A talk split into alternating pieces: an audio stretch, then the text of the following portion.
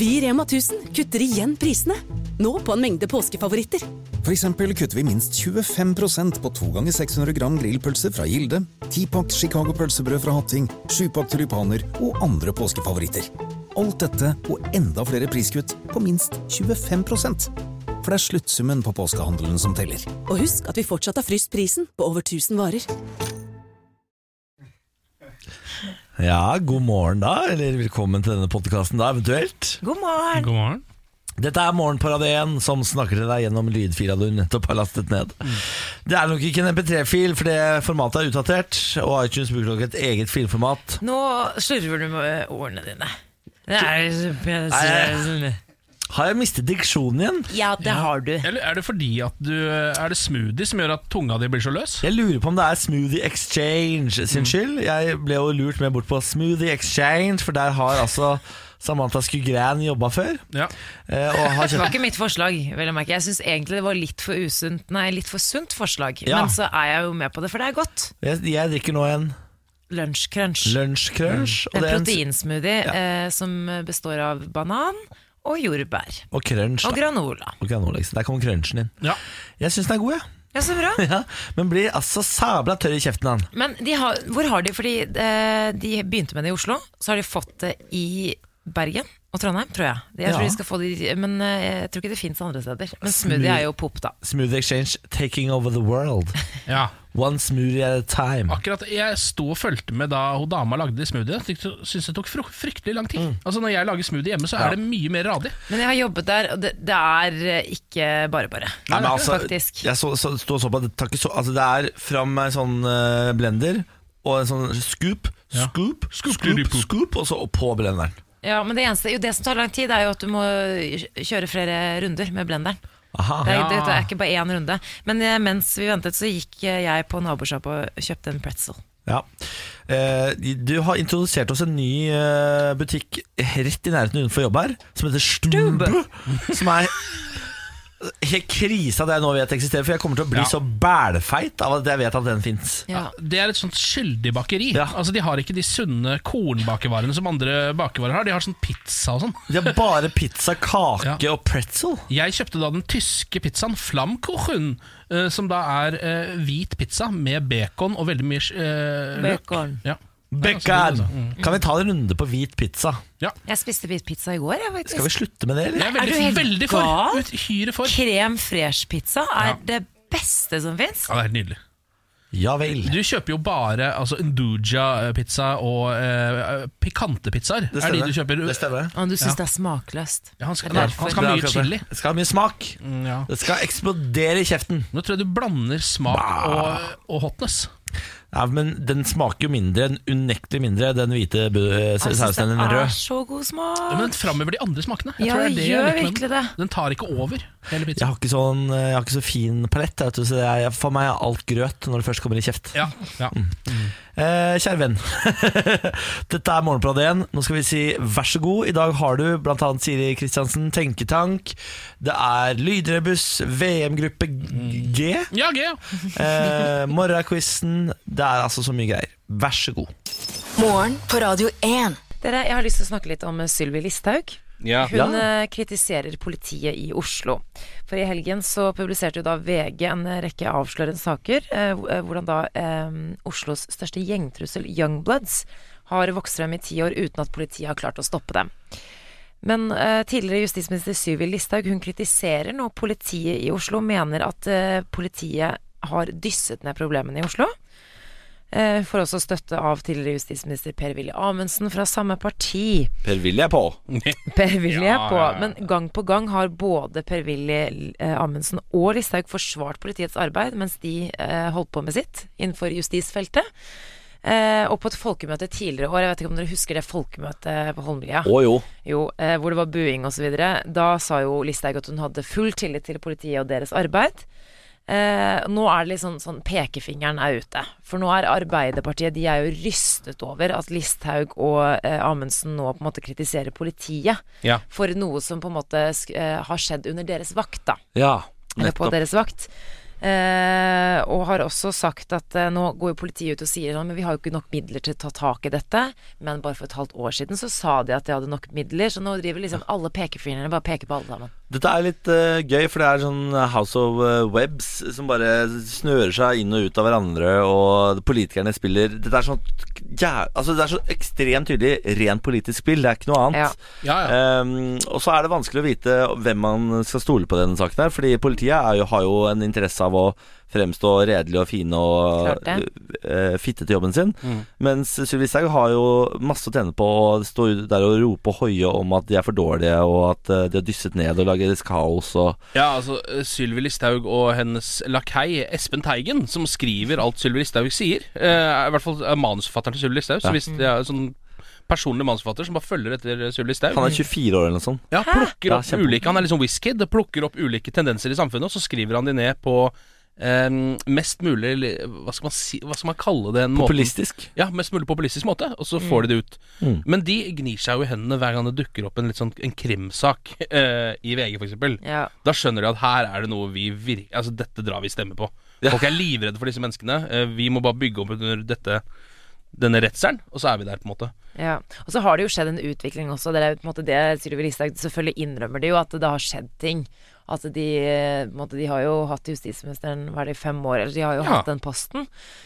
Eh, men eh, likevel så angriper hun politiet, og da Arbeiderpartiet forsvarer jo da politiet og skylder på de igjen, og så blir det på en måte bare en, eh, en gryte av eh, hvem har skylda. Ja. Noen ganger så hadde det vært så deilig om det hadde liksom gått an å hatt en liksom sånn Ok, men nå er det ett minutt hvor dere bare må si sannheten. Ja. Skjønner du? Nå er det bare sannheten i ett minutt. Lykke til! Ja, lykke til! Et lite minutt. Eh, Sarah Huckabee Sanders hun kjenner vi til. Ja. Ja. Det er jo talsmannen i Det hvite hus for president Trump. Mm. Nå skal hun trekke seg, dere. Ifølge CBS. ja. Eh, hun har jo fått eh, kanskje verdens minst takknemlige jobb, eh, vil jeg påstå. Det er hun som alltid må gå ut på et podium og fortelle verden hva Donald Trump har tenkt til å finne på, eller allerede har gjort. Ja. Og så må hun forsvare det foran et rom full av 200 minimum gribber av noen journalister som bare har lyst til at hun skal feile i jobben sin. Ja, og det det stort sett går ut på, er jo på en måte å prøve å lyve opp en slags bakgrunnshistorie for et innfall som Trump har fått. For han Ja. gjør jo bare ting litt sånn on the whim noen ganger. Ja, Sarah Huckabee Sanders er litt usikker på om hun skal trekke seg, ifølge Twitter. Vet CBS News noe jeg ikke vet om mine planer om min fremtid? De kjørte en sak om mine planer om å forlate Det hvite hus uten engang å snakke med meg. Jeg elsker arbeidet mitt. Det er en ære å få jobbe for presidenten, skriver hun. Og her, her skal jeg komme med litt overraskende støtte.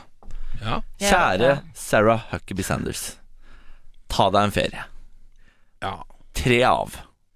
Vi, vi skjønner alle at du er sliten. Ja. Hele verden har sympati med deg.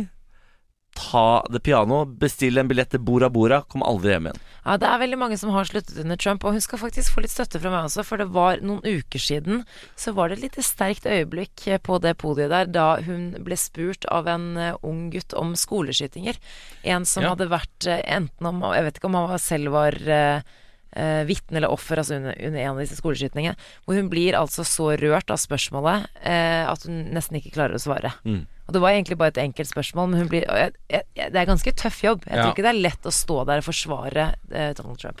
Nei. Så menneske inni der. Nei. Så kjære uh, Sarah, vit at Morgenpratet igjen ser deg, i hvert fall. Det må være det beste støtten man kan Ja, få. det må jo det.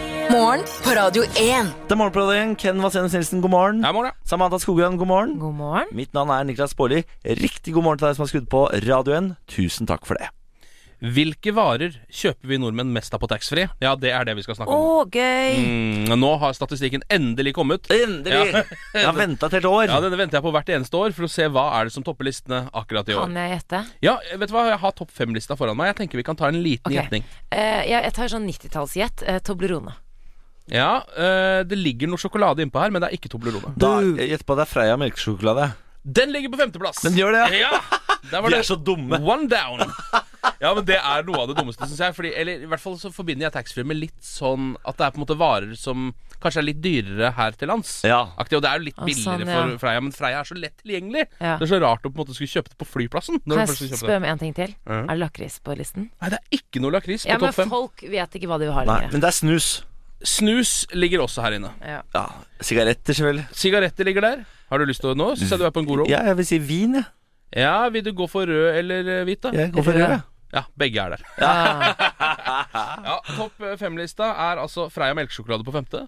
Og så er det Chablis på fjerde. Ja. Og da er det spesifikt merket La Roche. Men de har ikke så mange chablis på taxfree-en, så det, det blir nok fort La Rochen, ja. Ja, Og så på tredjeplass, der har vi rødvin. En Tomassi. Thomas, Ja. Den kjøper jeg alltid. den blir alltid kjøpt. Ja. Kjøper alltid en tre-fire Folk flasker fra av den. Moss kjøper alltid Nei, jeg Ja, der du, ser da. Jeg tror fankeren meg har kjøpt meg en Tomassi en gang i tida. Ja, det ser du. Altså, det er jo favoritt-taxfree-vinen til oss nordmenn. Og så er det da Sigg eh, sigaretter på andreplass. Og hvilket merke tror dere det er?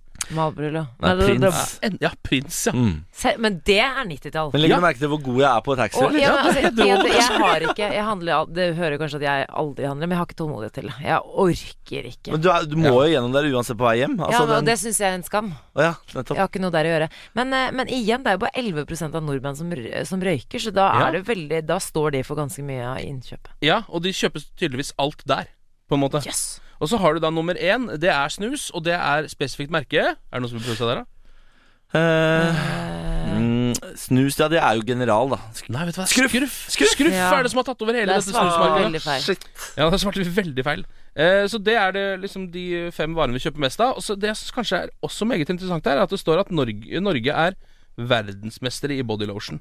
Det er ingen som kjøper mer body bodylotion. det gjør jeg faktisk det, er- det, er er- det kjøper jeg. Og da er det Elisabeth Arden, eller? Nei, det er den derre bioterm. Bioterm, ja. ja. Det ligger Bioterm på topp fire eh, på bodylotion-lista, og Norge kjøper altså så mye body lotion. Vi må smøre inn de nydelige kroppene våre. Sydkroppene våre. Ja. De herlige, veldreide brune kroppene våre. Norge! Mm, Norge! Norge! Jeg hadde mareritt i natt. Det er Nei et nei. av de sykeste marerittene jeg har hatt i hele mitt liv. Jeg mener det. Sånn oppriktig. Jeg pleier å ha eh, sånn type marit mareritt kanskje én gang i året. Men den jeg hadde i natt, det var sånn én gang hvert femte år. Oh. Eh, det, jeg kan, eh, hvor skal jeg begynne? For det første var det en sånn realistisk drøm, sånn at du faktisk nesten ikke klarer å skille virkelighet og drøm. Eh, hvor jeg drømte at en person jeg kjenner, bare tok en sånn 360 personlighet og ble fuck off. ja, men sånn mordertype. Som da. ikke lot meg være i fred. Uansett hvor jeg dro, og uansett hvor jeg gikk, så var den personen der. Eh, Dette er en person var- du kjenner veldig godt, som Nei, er i nei, jeg kjenner den ikke Nei. veldig godt. Jeg bare, det, personen er, det er en bekjent. Ja. Ikke noe i veien med dette mennesket. Jeg liker dette mennesket veldig godt. Eh, et veldig høyt menneske. Det er ikke Lars Berrum her i vår egen redaksjon. Men litt sånn samme type. Mystisk. Kjendis, eller? Nei. eh, Nei. Nei. Og det, er veldig, kjendis. det er litt skummelt, fordi, eh, og den personen ble litt, småpsykopatisk. Ja, ja, men sånn helt psykopat. Fordi sånne drømmer, hvis de er realistiske nok, så føler jeg at de ta, man tar med seg litt inn i virkeligheten. Ja, men jeg jeg er livredd for å Ja. treffe det mennesket nå. Og det var sånn, jeg våknet, og jeg var jo selvfølgelig da eh, klissvåt av svette. Og jeg var så redd at uh, jeg måtte Jeg ba bare samboeren min Emil jeg ba, Du må lukke døren. Du må lukke døren og låse. Altså, det, og han, han er jo vant til at jeg blir litt sånn småcrazy. Jeg har jo begynt å bli aggressiv i søvne og slå han og sånn. Ja, altså. Men uh, den, den frykten er så reell at den sitter fortsatt i kroppen min. Nei og nei. Ha, Ja, men, men- vekka du Du vekka vel mannen og fikk litt uh, kos, vel? Nei, for han var, han var, han var faktisk våken fra før, fordi det var så varmt inne på soverommet vårt. Ja. Ja, for det, er- dampet sikkert fra min egen det høres ut som noe som grenser mot sånn der elusive dreaming, som de kaller det. Ja. Som er sånn at man på en måte både drømmer og er våken samtidig. Ja, nettopp. Og da jeg våknet, så var jeg sånn Men det her er et tegn, fordi det er noen i huset. Altså, jeg var helt sikker på at det var noen i huset, så jeg bare Men han låste jo ikke døren. Det gikk helt fint. Det er godt, eh, det er godt du kom deg helskinna på jobb i dag. Ah! På denne, denne voldsomme drømmen. Ja. Eh, I går hadde jeg mitt første case av eh, klimafrykt, holdt jeg på å si. En av de få jeg har hatt.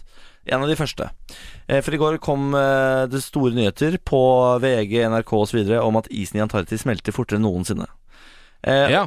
Tidligere har jeg egentlig bare avfeid disse sakene, Fordi det, jeg føler det kommer en ny sak i neste uke hvor det står sånn Mer is enn noen gang på Antarktis. ja. Jeg føler det går Ja. fram og tilbake, fram og tilbake, fram og tilbake. Men nå eh, tok jeg meg tid til å lese eh, også ingressen, hvor det står 'Verdens kaldeste sted smelter i rekordfart'. Dette kan ha ko eh, katastrofale konsekvenser for resten av verden.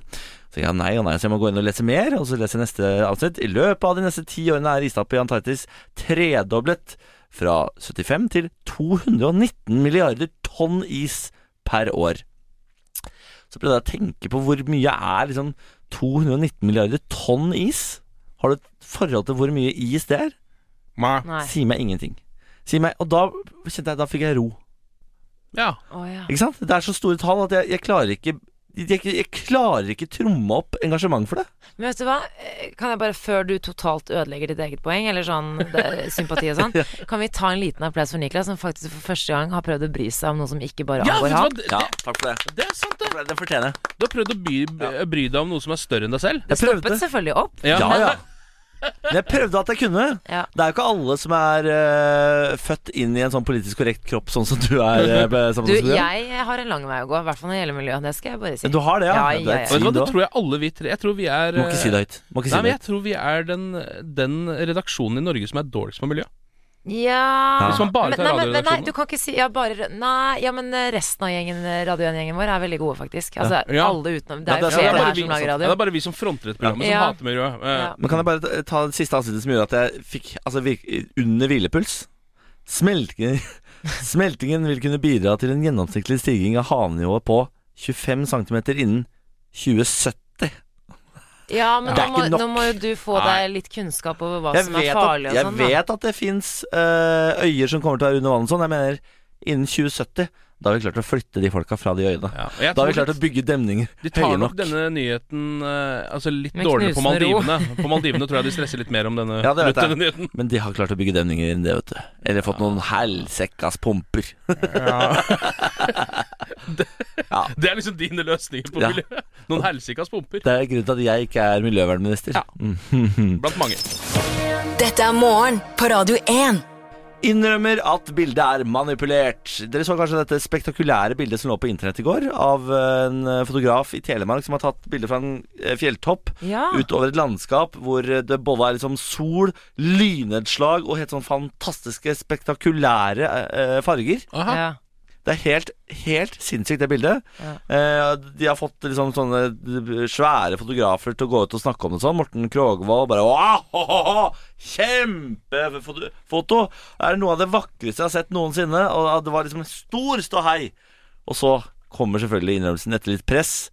Bildet er manipulert. Men å, det Fordi- er så irriterende. Ja, eh, Fotografen forsvarer seg med at han eh, Han øh, syntes det var så fint i utgangspunktet, men det trengte liksom litt mer omf. Så han fant et falsk øh, lyn, og så la han på det. Ja. Nei, og han har ikke bare Så det var lynet som var fargeredigert det. Nei, Han har fargeredi- lagt til noe. Fargeredigering er lov. Du kan skru farger, men idet du legger til ting, da må du si ifra. Ja. Eh, og han har lagt til et lyn. Men var det ikke sånn han skrev sånn herre Er det rart vi er så stolte av naturen vår i Norge? Og sånn. Det er sånn Ja. Ikke skriv det. Men han, har, han forsvarer seg med at han har fått vann på eh, objektivet.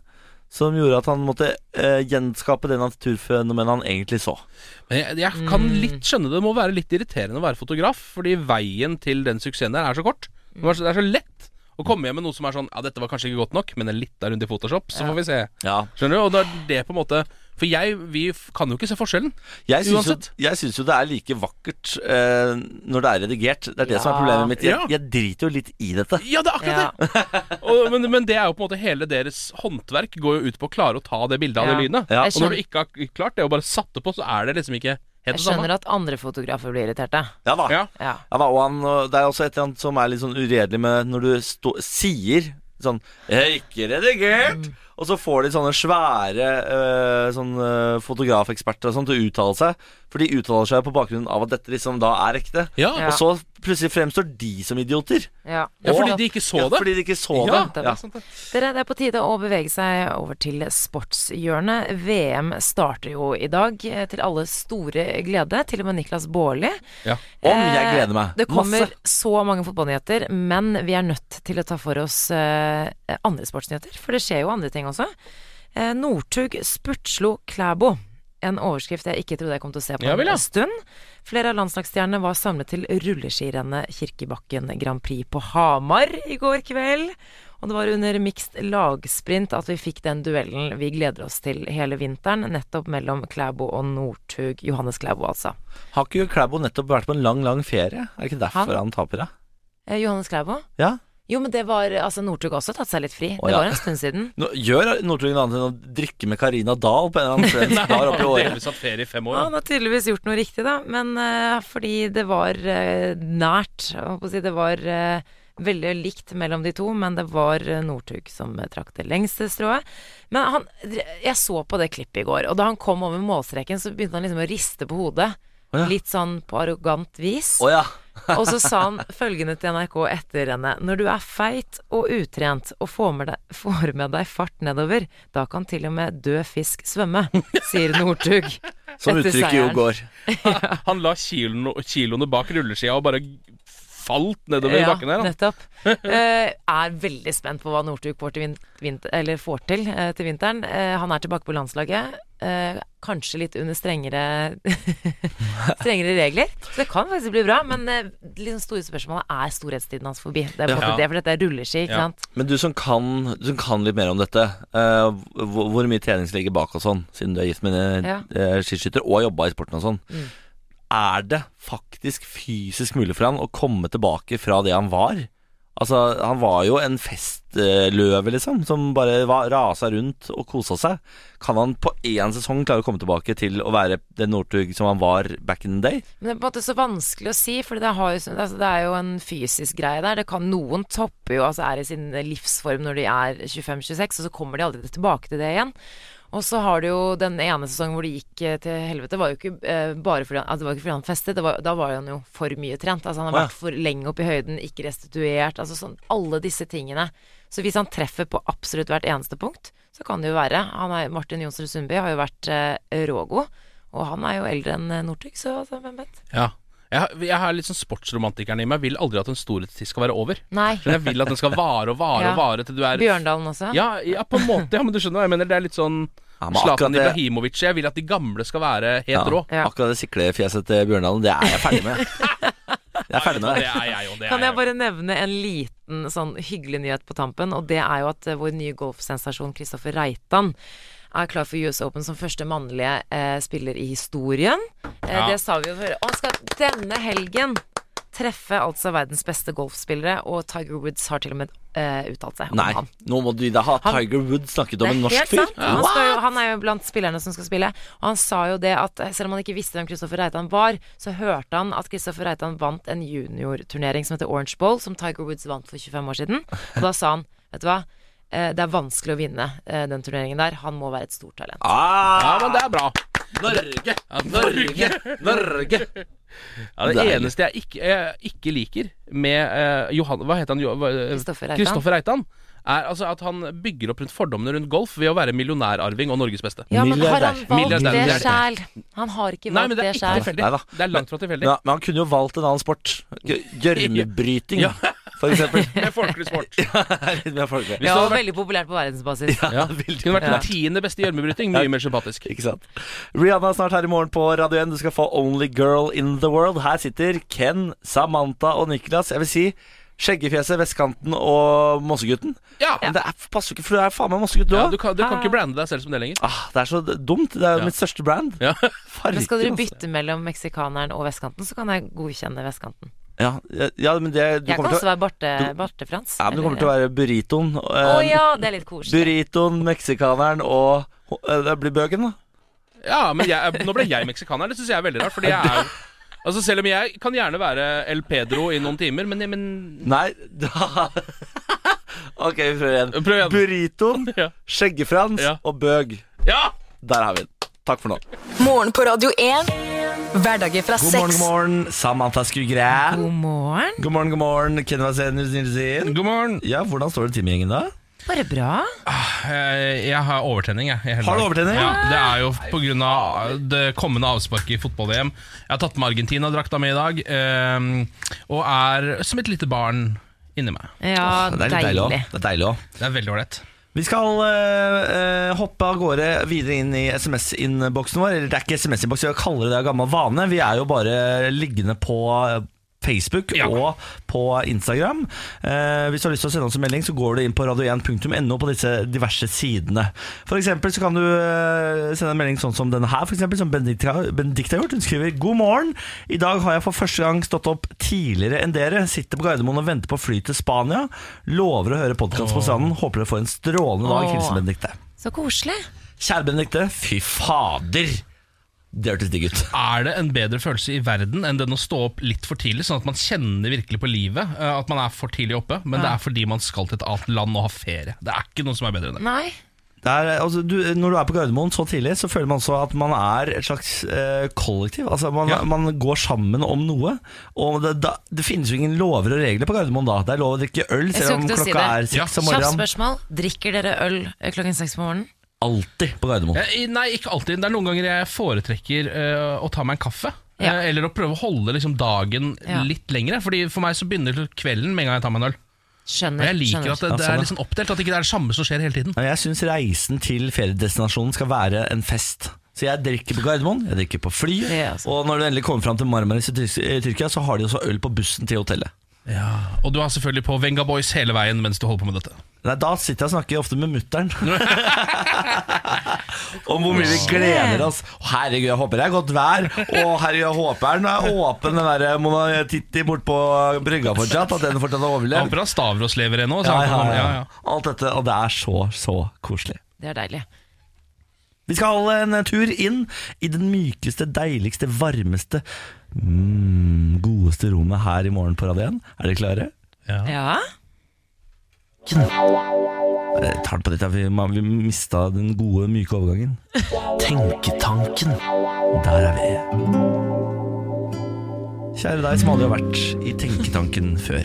Dette er et rom som har hvite puter, både i tak, vegger og gulv. Her inne koser vi oss altså så meget. Du kan kaste hva du vil ut i rommet uten å noen gang eh, få noe negativt tilbake. Det er ikke lov å være negativ i Tenketanken. Nei, det er ikke det. Noen ganger så ser jeg for meg at det er et sånt eh, Sånn som NASA sånn bruker når man skal trene astronauter. Altså et sånt vektløst rom Ja, ikke sant. som er i, romte i kroppstemperatur. Men vet du hva vi har blitt litt dårlige på? Vi må faktisk eh, senke stemmenivået. Nei, vi må det. Spørsmålet i dag er Hvis du kunne truffet én død person, hvilken person ville du Å, det er et godt spørsmål. Oi, oi, oi. Mm, det er så mange Det er veldig mange gode artister som har dødd i det siste. Men er de så interessante, de? Det har jeg tenkt på Ofte når jeg møter artister og snakker med dem Beklager vanlig stemme. Ofte når jeg møter artister og snakker med dem, tenker jeg sånn snork. Ja, men altså en- tatt seg eksempel eh, en liten kinotur sammen med Notorious BIG. Jeg tror ikke det hadde vært så dumt. Nei. Eh, Jeg tror det er noen av de Da hadde du risikert å bli skutt, da. Ja, det er sånn. Eller jeg tror han hadde blitt skutt, ja. så jeg hadde kommet meg unna. Men uh, jeg tenker sånn, det hadde vært litt gøy også å treffe et menneske uh, som et, altså, en historisk figur som har hatt mye å si. Vanlig stemme, Samantha. Ja, men det er vanlig Nei, det var det vanlig Det stemme. Det, Det syns vanlig jeg ikke. Eh, Hitler. Altså sånn, Mm, jeg hadde, Han hadde sikkert spyttet meg i trynet, men eh, fordi jeg ikke hadde vært akseptert i hans øyne. Men eh, fordi jeg da er halvt et eller annet annet enn arisk. Mm. Men det hadde vært gøy å tatt en prat med han, rett og slett. Mm, jeg tror jeg hadde gått eh, for type sånn eh, en Djengis Khan. Ja vel. Så langt tilbake i tid, Begge ja. for mordere, på en måte. Det er det dere hvor gæren var han? Ja, Så hvor, hvor vill var han? Dere hadde jo hatt en voldsom språkbarriere Og byrde Det er riktig. Men igjen så tror jeg vi hadde bare måttet brukt et år på å gå rundt og peke på ting, og så hadde jeg sagt sånn Kaffekopp! Og så hadde jeg holdt opp en kopp. Kaffekopp! Og etter hvert så hadde vi da dannet et såpass stort bilde av hva de forskjellige tingene er, sånn at vi hadde begynt å lære å forstå hverandre. Ja Vet du hva, jeg, jeg tror jeg går for den eh, nå avdøde norske pornostjernen Sasha Gabor. Jeg. Sasha Gabor. Han kunne jeg tenkt meg å tatt en liten dag med. Og han med den eh, hvite manken. Ja, Han som så ut som en slags sånn krysning mellom eh, Sean Connery og Burt Reynolds. Sa du nå at han var norsk? Ja, han var norsk-ungarsk. han. Sasha Gabor? Sier du det? Ja da Jeg har aldri sett Sasha Gabor, jeg tror jeg. Jeg bare har hørt hans navn. Men du har ikke sett heller den fantastiske lille eh, rare dokumentaren hvor Alex Rosén driver og henger rundt med Sasha Gabor? Nei. Den er helt fantastisk. Den kan jeg anbefale på det sterkeste. oi, nå ser jeg bildet for første gang. Han ser ut som en ja, Det er jo Sean Connery. Ja, De ligner faktisk dessverre. ja. Sean Det er det Connery er, jo veldig kjekk, syns jeg, da, men det betyr jo dessverre også at Sasha Gabor også er kjekk. Men Sasha Ja, Gabor men- har litt mer utfordrende ansiktshår. Ja. Ja. Men det er jo veldig fascinerende med Sasha Gabor, fordi han starta som en Burt Reynolds lookalike i pornobransjen. Og så når han ble eldre, så ble han Sean Connery lookalike. det synes jeg Ja, er ganske ja, rart. faktisk. Den overgangen gikk sømløst, så han hadde noe å holde på med hele veien. Ja. Vi endte på Sasha Gabor. Ja, Ja. alle sammen. La oss være tydelige på det. Morgen på Radio 1. Skjegge-Frans, eh, meksikaneren og Bøgen. Nei, Vi må endre det siste der. Bøgen, Det sitter ikke riktig med munnen. Jeg er litt enig, Det er et litt utdatert ord òg. Ja, det er det. Ja. Men jeg, sier, jeg har jo lov, siden jeg er homofil sjøl, at jeg har lov til å si det. Det- Du har jo ikke lov til å si det, og da blir det vanskelig. Ja, det er akkurat det. Vi må kanskje bruke noe som alle har lov til å si. Ja, det er også noe som er noe annet enn legningen min. Jeg tar alt tilbake. Ja, ja. Jeg finner på noe annet. Ja. Samme det. Dette er Morgenbladet igjen. Det varte litt, da. Du, Det varte litt. Ja. Men du, vi skal faktisk snakke om legning, for eh, det vokser frem nye grupper som går til angrep på homofile. Eh, Det er ti år siden innføringen av likekjønnet ekteskap. Men samtidig har antall henvendelser på hatkriminalitet eh, økt fra eh, 2016 til 2017. Og når man ser på tallene, så var det også en eh, sinnssyk økning fra 2015 til 2016 på 34 Ja. og eh, en økning på 17 fra eh, 2016 til i fjor, da. Um, og dette kommer jo også da etter at uh, NRK Rogaland meldte at kjæresteparet Benjamin og Kristoffer ble slått ned og sparket av en større gjeng. Du snakket om den saken tidligere denne uken, Niklas. Ja. Årsaken skal ha vært at de holdt hender. Og jeg, jeg lurer på hvorfor. Det er, er det fordi flere sier ifra, tror du? For på en måte så er det, det, er, er jo bra, hvis det er en økning i henvendelser til politiet. på en måte Altså Ikke bra, Ja. men det kan jo være at flere tør å si ifra. At det blir tatt mer seriøst. Eller er det at det er større tilfeller av hatkriminalitet? Jeg tror det er en uh, blanding av at flere sier ifra, politiet tar det mer på alvor, og at eh, homofile tør å være mer synlige. Sånn at de sikkert blir også utsatt for flere overgrep. eh, Fordi man jo tør og, altså Før så var man jo langt mer forsiktig med å holde hender og sånn. Så det at flere og flere homofile tør å vise at de er glad i hverandre på gata, tror jeg også kan fremprovosere flere og flere angrep. da Ja, for Jeg håper at ikke det på en måte er mer hat mot homofile nå enn det var tidligere. Fordi jeg har på en måte eh, jeg har på en måte mange ganger tenkt sånn når jeg har møtt eh, litt eldre generasjoner, f.eks. min bestemor, og sånn som ikke har hatt så mye kontakt med f.eks. homofile. Som ofte har litt sånn rare fordommer som dukker opp. Dette tror jeg veldig mange egentlig kjenner seg igjen i. At den eldre generasjonen er sånn Så har jeg tenkt litt sånn det skal i hvert fall bli den ene fine tingen med når din generasjon dør ut, har jeg tenkt noen ganger. Ja. For da blir dette borte. Men hvis ikke det stemmer, så mister jeg liksom litt av uh, verdensbildet mitt. kjenner. Men er, de sier jo at eh, flere og flere grupper vokser frem. Da. Så det er jo, eh, det går, og i andre land rundt oss så går det jo feil vei. Altså, det, det blir jo mer og mer hat mot homofile. Ja. Altså, ja. Men jeg vet ikke om om det generelt i befolkningen blir det, men kanskje det lille hatet som er, blir sterkere da? Men, Du har jo for eksempel den der nordisk front som, eh, har, eh, som har kampen mot homolobbyen. Ja, For ja. eksempel, de er jo megaharde på dette. De plastrer opp sånne anti-homoflagg i hele byen hele tiden. ja. Og de hater jo Men de hater så mye. Ja, det er de det jeg tenker. De er liksom Ja, bare men- hat. Nei, men de, de, hoved, eh, Hovedkampen deres går på homolobbyen, liksom. De har valgt Ja. seg homolobbyen. Ja. Kan jeg bare stille deg et litt sånn personlig spørsmål? Kjør. Fordi Når jeg eh, leser sånne saker, så syns jeg det er kjipt, og det går jo utover mange jeg kjenner, og sånn, men ikke meg selv personlig. Ja, ja. Hva tenker du når du leser sånne ting? sånn det? Jeg blir jo selvfølgelig eh, kjempelei altså Jeg blir jo lei meg, Fordi eh, de blir jo banket opp for å være akkurat sånn som jeg er. Ja, ja. Noe som er eh, Men det virker så fjernt. Ja. Fordi jeg, for meg så er det Dette er jo den jeg er. Altså Jeg har ikke noe annen det er, Dette er meg. Det blir som at du, de skal banke deg fordi du har skjegg. liksom Ja, ja. Ja, men det er litt det samme som ikke, Man skal ikke sammenligne de to tingene, Niklas. Jeg skal være forsiktig med det, men det er jo samme som altså, Nordisk front digger ikke meg heller. Det er jo altså sånn Ja. Eller i USA, for eksempel, at man er mindre verdt bare fordi man er meksikansk. Ja. Eh, Eller blanding Ja. av to raser. Det er sånn, jeg, man er jo ikke, men det også for meg er veldig fjernt. Jeg tenker jo at jeg er akseptert overalt. ja, ja. Ja, Men det stemmer jo ikke. jeg sliter med å faktisk forholde meg til det, at det er sånn. Fordi jeg, eh, eh, Heldigvis så har jeg ved veldig få anledninger opplevd noe særlig personlig.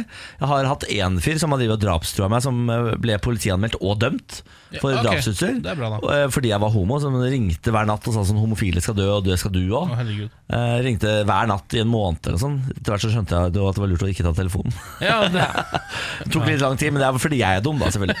Eh, men- Som jeg har ingenting med saken å gjøre. sagt dere. Men da stakk jeg på eh, politistasjonen første gang det skjedde, og så anmeldte jeg det. Og da sa jeg sånn eh, til han politimannen som tok meg med, så sa jeg sånn, er det noe vits egentlig at jeg er her og anmelder det? Så sa han sånn, «Eh, det er faktisk litt flaks at du er homo, fordi vi har en egen hatkriminalitetgruppe.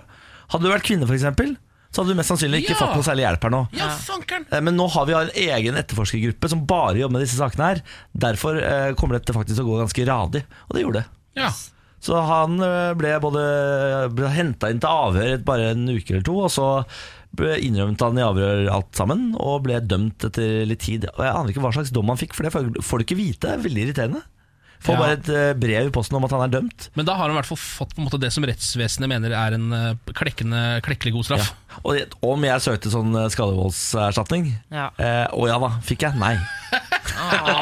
Men vi skal, vet du, vi, skal, vi skal feire deg når Pride kommer til Oslo. Vi skal feire alle sammen. Ja. Det kan jeg nevne nå, egentlig. Det passer Ja. perfekt. Vi har eh, altså fått en lastebil som skal dekkes i Radio 1-logo og, homofile farger. Altså regnbuen på siden. Oppå der så skal jeg stå, og alle de som hører på Radio 1 som har lyst til å være med. Det har begynt å komme en del mennesker som har lyst til å gå i pride for første gang sammen med oss. Jeg har jo ikke gått i pride før selv. Dette skal bli min første gang, og da har jeg tenkt å gjøre det skikkelig. Slå på stortromma. Men jeg trenger å fylle dette lasteplanet med andre mennesker enn meg selv. Ja. Så hvis du der ute er eh, skeiv eller ikke skeiv, du trenger ikke være skeiv, men Nei, nei, hvis du. Det ikke er mange ikke-skeive som også har meldt seg. Absolutt. Hvis du ikke har gått i pride før, det er på en måte La oss si vår eh, overskrift, da. Kan du ikke gå for første gang sammen med oss, da? Så er vi en hel gjeng som gjør det for første gang. Opplever festen for første gang sammen. Eh, meld oss på Facebook-sida vår, radio1.no. Det kommer til å bli en gedigen megafest. Vi får inn så hyggelige meldinger eh, hele tiden faktisk fra folk som har lyst til å være med, og som har lyst til å være med for første gang, som du Mm. nevner. Og vi svarer, og det er bare å melde seg. Jeg skal legge ut bilde av lastebilen, for jeg har nemlig vært og fått en sketsj av lastebilen. Herregud, Niklas, hva ja. du har fått til. En Jeg er slags faktisk litt imponert. plantegning. Ja, ja, en plantegning. Interessant. Advarsel. Fjesene deres er på. Ah, ja. Dere er med på lasteplanet. Det er herlig. Eh, Denne her kan dere se på vår Facebook-side. Jeg har gjort mitt absolutt beste for å smekke sammen noen greier her. Er det du som selv har tegnet også? Niklas Baarli har vært i Photoshop, Ok. eh, så dere får ta det for det det er. Ja, ja. Morgen på Radio 1. Ken, Hallo. Samantha Hello. Og så har vi fader i meg fått ganske storflott eh, besøk av Siri Kristiansen. Tusen takk. Du må ikke klappe, hun blir så forlegen. Blir forlegen. Ja, Siri Kristiansen hater oppmerksomhet. Jeg gjør det litt. Ja da, jeg elsker det. Mer, mer, mer. Eh, Kan jeg bare informere om at Nå har jeg altså lagt ut traileren eh, som vi skal bruke i Pride på vår Facebook-side. radio1.no Jeg har jo photoshoppa sammen noen greier her. Ja. Eh, jeg skal gå for første gang i Pride-paraden. Har bestemt meg for at da skal Radio 1 også gå. Det sa sjefene ja til. Har fått en trailer som vi har dekorert med eh, regnbueflagg. Oppå der skal jeg ha folk som aldri har gått i Pride før, som skal gå for første gang sammen med meg. Meld dere på via Facebook. Pride-jomfru-truck. Jeg skal ta det eh, Pride-hinna. Eh, Siri Kristiansen, Ja. du er en uh, hjelpende dame. Hver søndag her på Radio 1 så har du programmet Siri og de gode hjelperne, som tar for seg andre folks problemer. Eh, det må du sende inn til Siri alfakrøll radio1.no hvis du har noe. Eh, og så kommer de hit på torsdager for å hjelpe våre lyttere med sine problemer. I tillegg, ja. Det er Hva- helt sant. Hva er det du har til oss i dag? Eh, jeg prøver jo å velge litt sånn forskjellig, så ikke det bare blir sånn kjærlighetsgreier eh, på dere. Selv om det er mye kjærlighet. Det er 90 kjærlighetsproblematikk i innboks. Det må jeg si. Eh, men jeg har funnet et fra Lisa, som er bare 19 år gammel. Så prøv å sette deg tilbake i den tiden, hvordan det var å være 19. Spesielt vanskelig for deg, Ken. ja, nå er jeg veldig forvirra. Her står det. Jeg og en venninne flytter sammen til høsten. Vi skal studere i samme by, eh, og onkelen hennes som bor der, har skaffet oss leilighet. Perfekt! Vi har kjent hverandre siden vi var små og gleder oss til å gå sykepleien sammen. Vi er like på mye, bortsett fra én ting. Hun er personlig kristen. Det er ikke jeg. Hun har allerede nå sagt at hun ikke ønsker å ha vorspiel eller guttebesøk hos oss. Men vi har jo så kul leilighet! Det kommer garantert å være den perfekte partykokken. Og jeg håper da virkelig at det blir guttebesøk. Må jeg ta hensyn til hennes religion, eller må hun ta hensyn til min mangel på det? Oi, oi, oi, oi. Det fins jo et sted som heter Midten også, jeg bare nevner det uten at Lisa eh, legger fram det som Den gylne middelvei, som Ja. Bibelen også er ganske opptatt av. Ja, det er jo øh, vanskelig med religion fordi det er så utrolig nært og viktig for folk. I hvert fall Ja. noen. Jeg gikk jo på kristen folkehøyskole uten å være kristen selv, og måtte daglig ta hensyn til eh, religion på den måten. eh, Ved å ikke le når jeg så folk gå inn i kapellet, f.eks. Ja, det var hardt for deg. Det var hardt og vanskelig, fordi i den alderen så er, har du ikke så mange Du er ikke så raus. Nei. Jeg husker jeg lo masse i bryllup til en fjern venninne eh, da presten i kirken sto og snakket om kjeppen til Jesus gjentatte ganger. Jeg fikk fullstendig latterkrampe på bakerste rad. Jeg vil også eh, legge til at det at dere ikke skal ha fest hos dere Jeg tror ikke det er noe sånn kjempelurt å gjøre det til partykåken. Nei. Nei. det husker jeg selv fra liksom, studenttiden min, at det var veldig deilig at partykokken ikke var vår kokk. Ja, den feilen er det mange som gjør. Ass. Ja. At man kan gå hjem fra party. At den må Ja. oppsøkes. Ja, ja. Ja, og at ikke festen er, er der hele uka. Og dagen etter når du våkner, at ikke du må rydde alle flaskene. Altså Alle de tingene der er veldig deilig. Men det er no go å ikke ha gutter hjemme når du er 19 år og flytta hjemmefra. Men jeg tenker det her Det kan oppstå en liten kompromiss, da, fordi problemet her er jo at det er onkelen til hun eh, kristne som har skaffet leiligheten. Ja. Så det er på en måte ikke Det er jo ikke likt her eh, fra utgang, ja, i Ja. utgangspunktet. Men jeg tenker sånn, ok eh, vi kan bruke det som sånn eh, leverage, som man sier på engelsk. At hun kan si greit, det her blir ikke partykåken, men eh, jeg syns jeg skal få lov til å ha gutter på rommet eh, hvis vi er stille. Ja. Så da føler hun liksom at hun off, da, da gir hun inntrykk av at hun ofrer noe, og da må hun få noe tilbake. Hva mener du med stille? Altså ikke Ja, altså, sånn, ikke er- ja, ja. Rett og slett. Ja. Ja. Men hva syns man er verst? Eh, Er det drikkinga, eller er det ligginga? Liggingen. Jeg syns gutt, gutteforbud er verst. Jeg, da jeg var i New York og tok et skrivekurs, da var jeg 19 faktisk, elsker så bodde jeg på et sånt eh, eh, kvinnehjem. Altså det var et kristent eh, kvinnehjem, om du vil. Du leier da et rom og et bad, men det er ikke lov med gutter. Du kan, de, kan, de kan være i fellesarealet nede i resepsjonen. De fikk ikke lov til å komme opp. Jeg hadde jo kjæreste på den tiden. Ja. Og ja, så du fikk ikke ligge i eget Du ligger i rom? fellesarealet.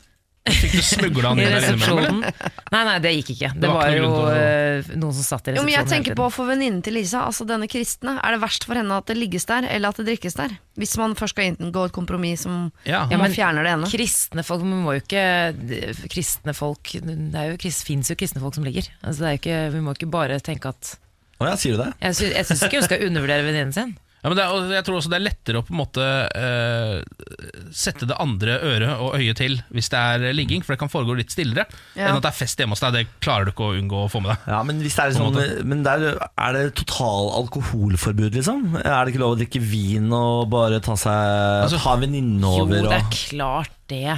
Jeg kommer fra en kristen familie. Der kan man eh, Noen eh, velger å ikke drikke i det hele tatt, og noen drikker. Sånn er det, det er greit. Jo, men Så det- lite jenteforspill er mulig at Men det- Lisa får smøget inn Men det høres ut som hun her er mer kristen enn enn den familien du kommer fra, ut ifra hva jeg har forstått. For her, hun, det, her, det høres jo unektelig ganske strengt ut hvis du har lagt de Ja. føringene før du i det hele tatt har prøvd å teste vannet. Hvor mye trøkk Ja, er her, egentlig? Jeg får også inntrykk av at det er null alkohol her. Her skal det ikke drikkes, drikkes. Og det er ingen eh, Jeg skal ikke vite at folk ligger sammen før de er gift. Altså Jeg får litt den Ja, følelsen. det, det gjør jeg altså. Men jeg, ja, jeg, jeg ser for meg Jeg er litt enig med Samantha at det går an å bruke det ene for det andre. Og så liksom legge fram dette festgreiene og bare si at der er jeg såpass raus at det går bra. Det trenger vi ikke å ha så mye av her. Ja. Ehm, men jeg må få lov til å kunne pleie kjærligheten i de viktige 19-åra.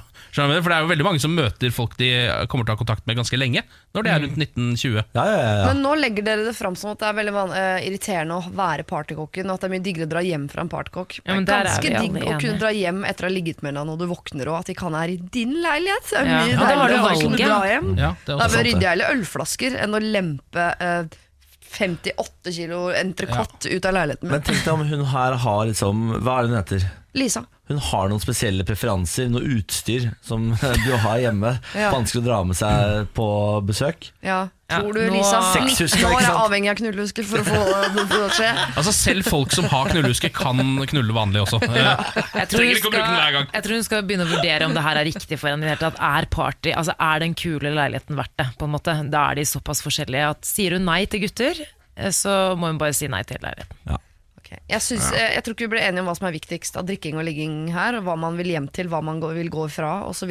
Ligge, ligge, ligge. Men jeg tror uh, at Lisa skal prøve seg på uh, å møtes på midten, møtes på den gylne middelvei, og si at uh, vi utelukker enten det ene eller det andre.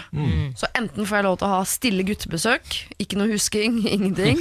Eller så får jeg lov til å ha eh, noen vorspiel, i hvert fall innimellom. Men partykokk, det blir det ikke. Dette får være tipsene fra Morgen på Radio 1 i dag. Hvis du har problemer du trenger hjelp med, ta og send det inn til eh, Siri, alfakrøll, radio1.no. Siri og de gode hjelperne er på Radio 1 hver eneste søndag fra 14. Siri Kristiansen, en glede. Eh, Det vet jeg ikke hva jeg skal svare på. Det var en glede. Takk skal du si, da. ja, men jeg synes sånn høflighetsfrase, det må vi snakke om en gang, er veldig vanskelig å si i like måte. Eller takk. si takk eller i like måte. Kan du velge sjøl. Ja, ok, da sier jeg ja. takk i like måte. Ja, det er perfekt. ikke sant? Så ses vi i morgen, vi, da. Ja, det gjør vi. For da er du vår radiokokk når vi sender live fra Salt i Oslo. Det blir gøy, gøy, gøy, gøy. gøy Morgen på Radio 1. Nå skal vi en tur til fotball-VM. Ah, Ja, jeg har en ja. fotball-VM-sak. Hva er Ja, det du sier? Oh my god, det starter jo i dag. Ja. Eh, og nå advares eh, russiske innbyggere mot å ha sex mot, eh, med utenlandske fotballfans. okay. Er det sant? Hvorfor, hvorfor eh, Har du lyst til å gjette hvorfor? Eh, nei, altså jeg tenker Er det noe så- eh, For at det ikke blir helrussiske barn? Ja, det, det. ja, det kan man tenke, ikke sant? Det er fordi de er livredde for at det skal bli veldig mange alenemødre igjen i Russland. ja. Som etter krigen, liksom? Ja, fordi her kommer liksom hele verden til Russland og ligger, ligger, ligger, ligger. Litt dårlig prevensjonsbruk, og bang, så har det blitt eh, en hel ny generasjon borti Russland der. Av alenemødre. Nå Ja. prøver de å ødelegge moroa. ikke sant? For mange er moroa selve fotballen. For andre er moroa å møte, treffe nye mennesker. Ja. Kanskje det er ikke alle i Russland som eh, har eh, kanskje reist utenfor landets grenser. Her får de møte nye spennende folk, og så advares de mot å ligge. Ikke sant? Og her, her har man jo bygd opp uh, fordommer og tanker om hvilke land som er st godt utstyrt og sånn. Her er det mange fantasier som skal oppfylles.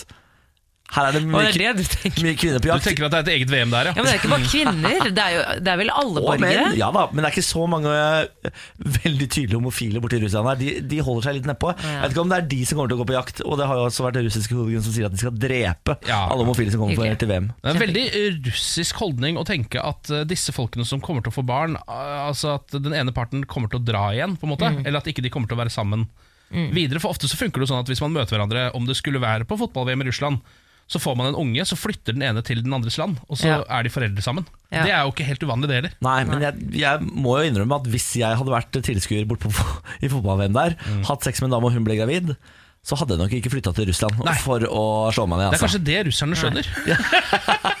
kanskje de rett og slett er eh, Her, ja, her er de eh, Framsynte. Ja, framsynte, rett og slett. Jeg syns det er ganske sjukt. Ja, ta med kondom da hvis du skal til Russland. Ja, gjør det.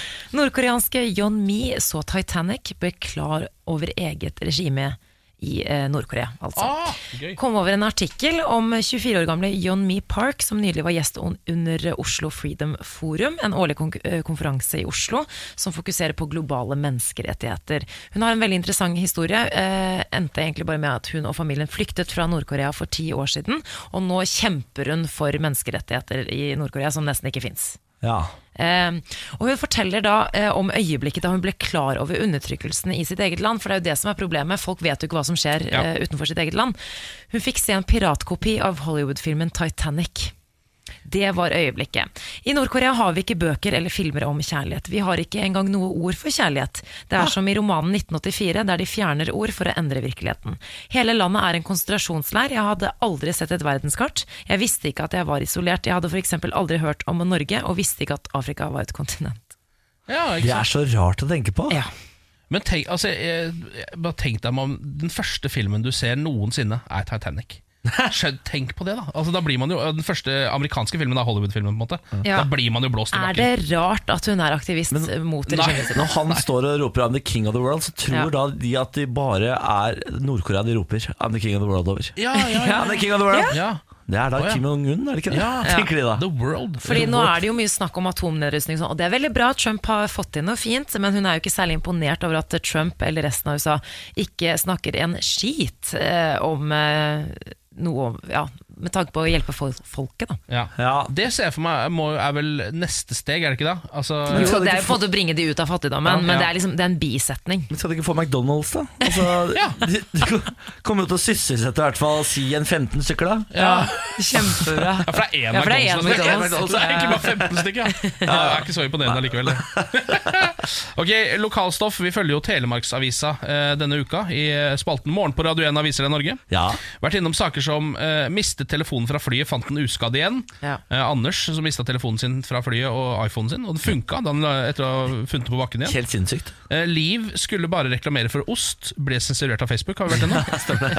og jeg tror ikke Snøhaugen er borte før neste vinter, som er en kjempestor snøhaug som de aldri blir kvitt der borte i Telemark nå. Og er borte neste vinter, er ikke det rart? Jo, de, de har veldig tro på at denne kommer til å holde kjempelenge. Ja, men, og, og forsvinne når det først er vinter. Ja, når vinteren kommer, da blir det borte! Burde det ikke gå på sommeren? Jo, det er ulogisk, men sånn er det der borte. Eh, nå skal vi en tur til eh, Seljord, Seljordsvannet. eh, Dette kjente vannet hvor det, eh, noen mener at det er en sjøorm. Hva er det han heter? Seljordsormen?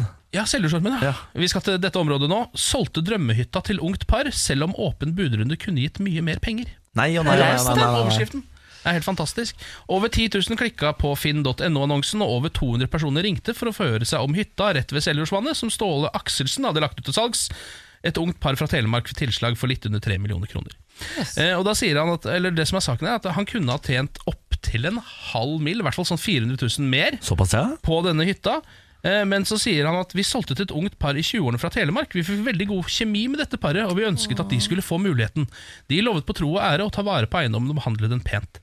Så istedenfor å tjene penger, så har han da på en måte sendt et ungt par ut på boligmarkedet. eh, Med en fantastisk hytte som de aldri hadde hatt råd til. Sånn Det der elsker jeg. Så Altså, det skjer aldri i, her i Oslo, i hvert fall. nei, nei, nei, nei, nei. Altså det, er, det fins tydeligvis samaritaner også på boligmarkedet. Det, vi- det trodde jeg ikke det gjorde. For en nydelig sak. Ja, Det er rett og slett bare en gladsak, og så er det litt gøy. Fordi på slutten her så må de jo selvfølgelig da journalisten spørre han om han har sett denne sjøormen. Eh, Selvfølgelig. For det må jo dukke opp her, siden han bor rett ved Seljordsvannet, eller har gjort det da, helt til han skulle selge hytta. Og da sier han Etter ei flaske gin, ser hun. Før det er, før det, er det litt vanskelig. Hæ? Ja, nei, det er deilig, vet du. Legende. Ja, For en nydelig nydelig sak. Det er den beste saken vi har hatt inn i denne spalten by far. ja det Ja, syns jeg jeg er også. enig. Det er helt, helt fantastisk. Bare det å vite at det der er mulig, at det kan skje. Ja. Nå har jeg lyst til å gå og banke på gamle menneskers hytter og si sånn hei, hei, jeg er veldig hyggelig fyr. Hei, hei, jeg er et ungt par fra Telemark. Kunne jeg fått Ja, det er bare å prøve seg. Ja, det er bare å prøve seg. Ja, det er en nydelig sak. Det blir jo en siste nyhet fra Thea i morgen. Mm. Da er det bare å høre i morgen på Radio 1 for din siste oppdatering fra Telemarksavisa. Morgen på Radio 1. Her er han, Lars Berrum! Oi, oi, oi. Du glemte mellomnavnet hans. Fernando. Ja, Fernando. God morgen, Fernando. Takk skal du ha. Velkommen til oss. Veldig hyggelig å være her. Hvordan står det til med Fernando, Herman? Fernando har det bra. Fernando har det bra. Omtaler seg selv i tredjeperson nå, Fernando. Ja, ja blir det den jeg tar mellomnavn? Mm. Ja, Ja, det det, er i hvert fall en ydmyk tredjeperson. da Ja, ja, ja. Hvis jeg hadde vært sånn uh, cocky, så hadde jeg sagt Bærum har det bra. ja. Men hvis Ja. jeg velger mellomnavnet mitt og sier Fernando har det bra, så er det en ydmyk gærning. Jeg veit ikke om det er sånn de skillene går. I hvert fall ikke for meg. Lars, du er jo her fordi du er altså helt rå på å quize andre. Ja. Fordi det er såpass dårlig quiz sjøl. Ja. Eh, skal vi sette i gang? ja. Lars Bærums morgenquiz. Ja, det er tre spørsmål som skal ut og besvares. Alle svarene får dere helt til slutt. Eh, I hvert fall fram til sommeren så forlanger jeg et quizlagnavn. Ja. Vi har jo snakket litt om at den, eh, den bunken der eh, begynner å gå litt eh, Den er tynn. Ja, den, Den er tynn. ja, veldig. Bolli, har du noe? Ja da. Ole Dum og vennene hans. Ja, ikke sant. Det er det jeg mener. Takk for det. er. Ja, Ole Dum og vennene hans. Ja, det er det jeg mener. Kanskje jeg gir meg før sommeren med det quizlagnavnet, men Ole Dum og vennene hans er i hvert fall navnet deres nå, hvis dere er enige om det. Ja. Yes. Da går vi på spørsmål nummer én. Ja takk. Det er jo parksesongen, folkens.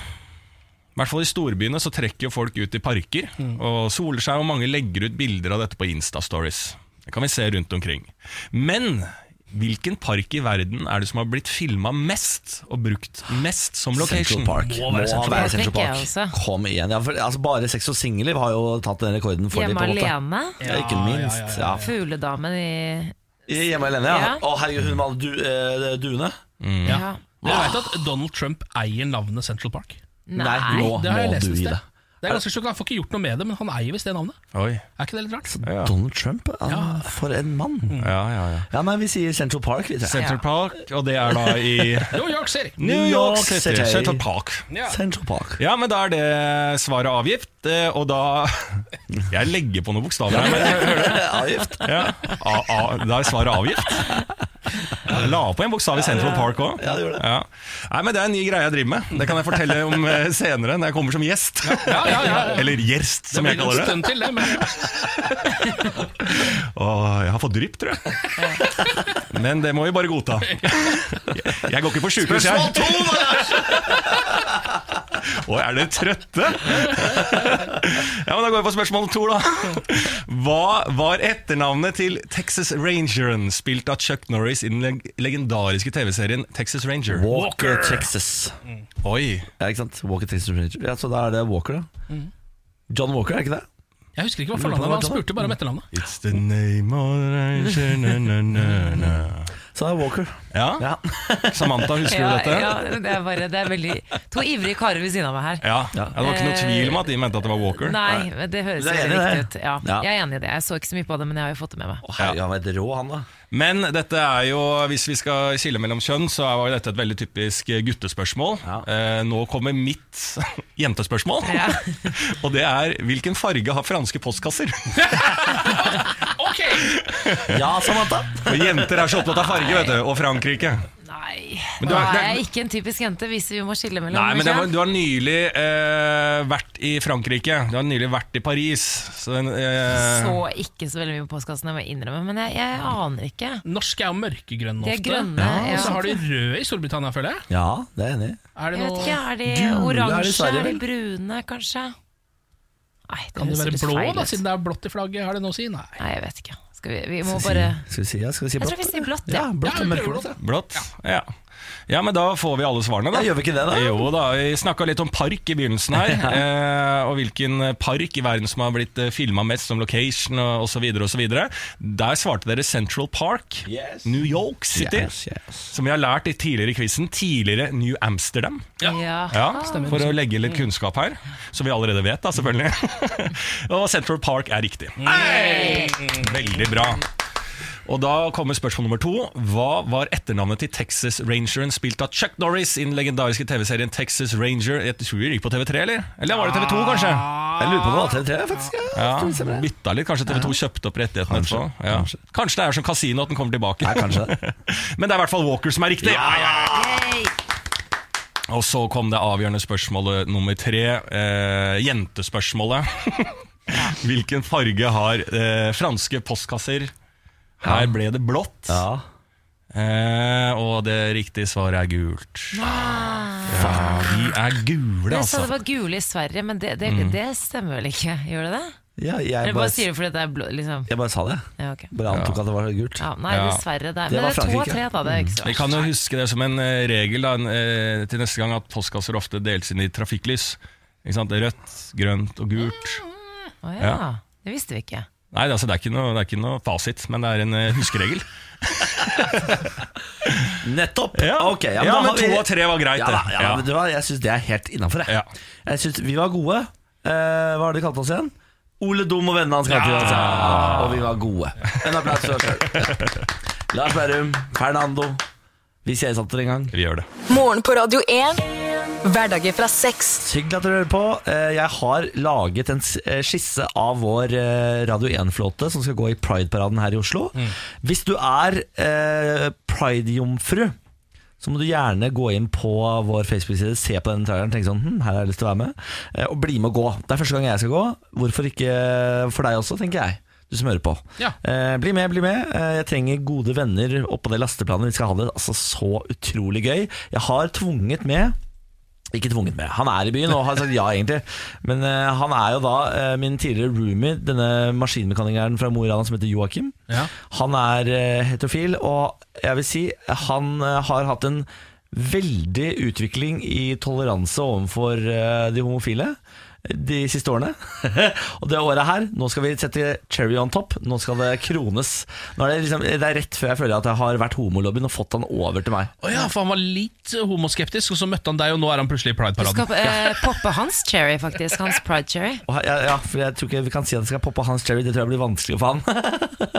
Men uh, ja, han skal være med i hvert fall. Ja. Eh, bli med du også. Gå inn på vår Facebook-side radio1.no. Vi går jo gjennom samtlige grupper i eh, fotball-VM eh, denne uka for at du skal finne deg et eh, favorittlag. Det sparker jo i gang i dag klokka fem, Ja. og jeg har feber. Ja, det skjønner jeg. Ja, Jeg må prøve å roe meg litt. Du har tatt på deg fotballdrakten. Ja, på Argentinas ja. drakt i dag. Jeg valgte å gå for den i år. Du er Eh, veldig søt, altså, du er veldig søt Ken. Ja. Når du kommer på jobb i fotballdrakt for fordi det. fotballen starter, da blir jeg ekstra glad i deg. Ja, takk for det. Jeg kjøpte faktisk akkurat Argentinas drakt fordi det var den tynneste drakten. Altså den eh, drakten som er eh, kjøligst. Det var derfor jeg valgte akkurat den. Nettopp. Nei, Det jeg tror det er pga. de lyseblå stripene som Ja, det er ganske- fremhever dine flotte farger. Ja, takk for det. Den er ganske fin Ja. også. Det er helt riktig. Eh, dagens gruppe Belgia, Panama, Tunisia, England. For en gruppe. Ja, eh, Her har vi altså to eh, lag som kan gjøre det ganske bra. Eller som i hvert fall folk tenker at kan gjøre det bra, og to som folk tenker at kommer til å gjøre det helt ræva. Ja. Det er på en måte det vi sitter med her. Kan jeg gjette? Ja, Er det Panama og Tunisia som skal gjøre det dårlig? ja, ja det er det, det. stemmer. Nå viser du, at, viser du atter en gang din kunnskap, eh, Niklas. Takk for det. Eh, Belgia, eh, også kalt De røde djevlene, samme kallenavn som Manchester United har. Som Mm. jeg blir litt forvirra av, men sånn er det nå en gang. Eh, er jo et land som kanskje trenger å bli litt kjent for fotballen, fordi eh, Belgia nå har en litt rar identitet for meg som land. Det er på en måte Det siste jeg kan huske å ha hørt derfra, er at de ikke hadde regjering ganske lenge. Eh, Og at de har gravd ja, finner grusomme ting i hagene der over 10-12 år. Tunisia? Nei, Nei, Belgia. Belgia? Herregud. Men øl og sjokolade, da, det kan de. Ja, det kan de helt klart. Øl og sjokolade er de gode på. Um, Er det der Nata Natasha Kampusch var også? det er var- var okay, det Østerrike, det tror jeg. Det er Østerrike. Ja. Nettopp. Nå, nå blander du. Òg. Det er Østerrike. Eh, Ja, va, Ja. ja. Ja, jeg vet ikke hvorfor jeg snakker om disse nå. Nei, det vet ikke jeg heller. Eh, Men eh, lignende tilfeller har jo vært i Belgia. Bare da oppdager man det såpass seint at man bare finner folk i hagen. Nettopp, ja. mm. Det her er egentlig et særdeles sterkt valg for deg som har lyst til å overraske alle med hvor mye du egentlig kan om fotball. Oi! For dette laget her er piker akkurat nå. Nå Eh, og. Belgia har historisk sett egentlig ikke vært noe sånn fotballstorhet, men nå har de en gyllen generasjon med verdensklassespillere. De har Eden Hazard, de har Kevin De Bruyne, de har Romelu Lukaku utpå der.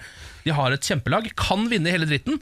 Gjør sannsynligvis ikke det, men kan. Så da er det verdt å ta Ja. en sjanse på liksom sånn, vet du hva, jeg tror Belgia kan gjøre det sterkt i år. jeg. Du kan så også spille, spille noen kroner på det laget, tenker jeg. Ja. Men de har vel historisk sett alltid hatt liksom, å, det er han, ja, han ene, eller de har alltid Ja. sånn en eller to gode spillere som spiller i Premier League eller andre Ja. gode ligaer. Men nå har de liksom, det som er forskjellen nå, at de spillerne er de beste eh, på sine lag i Premier League. lag. Å, kult! Så det er egentlig ganske rått lag å velge, så tror folk at du kan masse om fotball. Eh, og så har vi Panama, VMs verste lag. Det aller verste laget. Eh, Til og med Norge har slått Panama, har ikke det? jo, eh, vi rana det jo til og med da de nettopp eh, var her. Eh, også det laget med flest gamlinger. Altså Her er det en masse folk på 37 år Å ja. som spiller på dette laget. Folk som er like gamle som meg, eh, som skal være med i fotball-VM. Det er første gang de er med eh, i VM, men altså, det her er liksom Det er bare et valg for deg som syns det er gøy å, å heie på VMs verste lag. Ja, nettopp. Altså at Du er sånn type at du tenker jeg går helt ned i gjørma eh, og tar den jobben. Men det er det koselig, da. Hæ? Det er jo veldig koselig å heie på et så dårlig lag. Det er jo som å heie på Tufte i hjel. Det er akkurat det der. Så for noen er det sikkert det rette valget. Eh, Tunisia, den beste spilleren på dette laget, er på utlån fra Sunderland. Uh, så her styrer hun. altså, ikke, ja. det er, det er, ja. Kan jeg informere om at jeg har vært i Tunisia? Hvordan var det der? Du, Det var eh, helt ålreit. Jeg husker at jeg skulle ha tak i en drink, men det driver ikke med der nede. De det driver er ikke med veldig drink. muslimsk eh, land, Ja. eh, så det var veldig lite alkohol å få tak i. Men jeg fant etter hvert et, en bar som hadde noe hjemmebrent, og det var forferdelig vondt. Og det er dine ferieminner fra Tunisia. Det stemmer. Ja. Eh, dårlig lag, og, eh, sikkert ålreit land, men ikke så bra land for deg da, Bolli. Startlandet for den arabiske vår. Ja, det Ja da, ja da, ja da, ja ja ja. For deg som heier på den arabiske vår, kjør Tunisia. Eh, For deg som er glad i fotball, drit i det. Eh, England. altså det her er jo et lag som mange automatisk bare vil ta som sitt favorittlag, Ja. På grunn av at nordmenn er så glad i Premier League. Ehm, det er jo på en måte vår favoritt-TV-syssel etter Game of Thrones, er jo å se på Premier League. ikke sant? Så jeg tror jeg kommer til å heie litt på dem sjæl Jeg vet ikke om vi skal si at vår interesse etter eh, Game of Thrones er å se Premier League som eh, kollektivt Ja, nå, land. nå bruker jeg det majestetiske jeg. Eh, Ja, okay. på en måte, at det handler egentlig bare om meg sjøl. Ja, kan du si da. Um, Ehm, ehm, jeg kommer jo til å heie på dem sjæl òg. Jeg syns det er litt vrient. Og, fordi jeg kan ikke jeg, Det var en grunn til at jeg kjøpte meg Argentina-drakt og ikke England-drakt. Ja. Fordi nordmenn som går i en England-drakt, kan tendere mot å se britiske ut.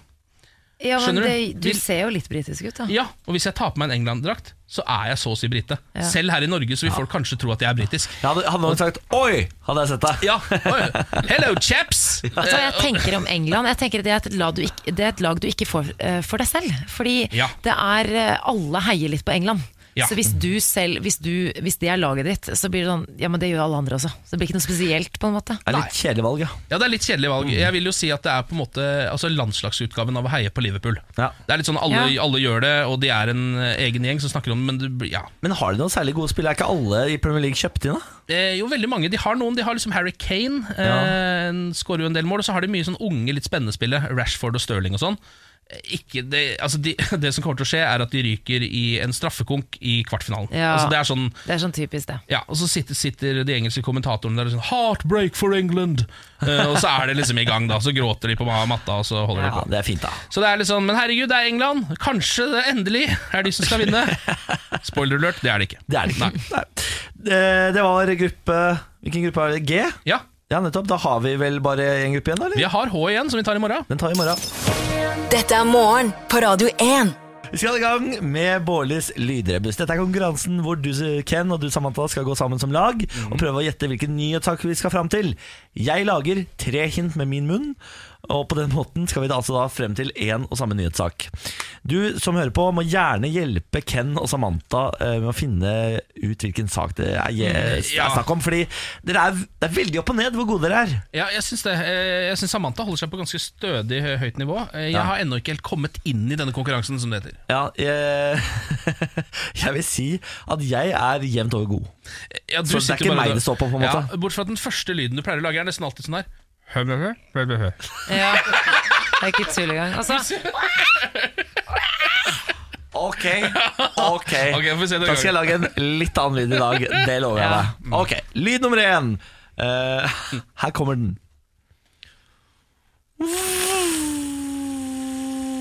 jeg vet hvilken sak det er. Ok, Er vær det så god. lov å, er det lov å Ja, Hvis du er så god, så skal du få den. Eh, At flytrafikken ble stoppet av en drone i Oslo i går? Det er feil. Å, men Det det, hørtes feil. ut. Men riktig drone, sant? Ja, det hørtes riktig Ja, ut. det, Ok, det er feil. fortsett. Lyd to. Der, ja. Her er den. Det er alltid en, det er alltid en eh, asiatisk stemme inni der. Ja, Jeg, mm, jeg, begynner å, det begynner å nærme seg noe Ja. Nord-Korea-relatert her for meg, Ja, men fortsett. Lyd tre.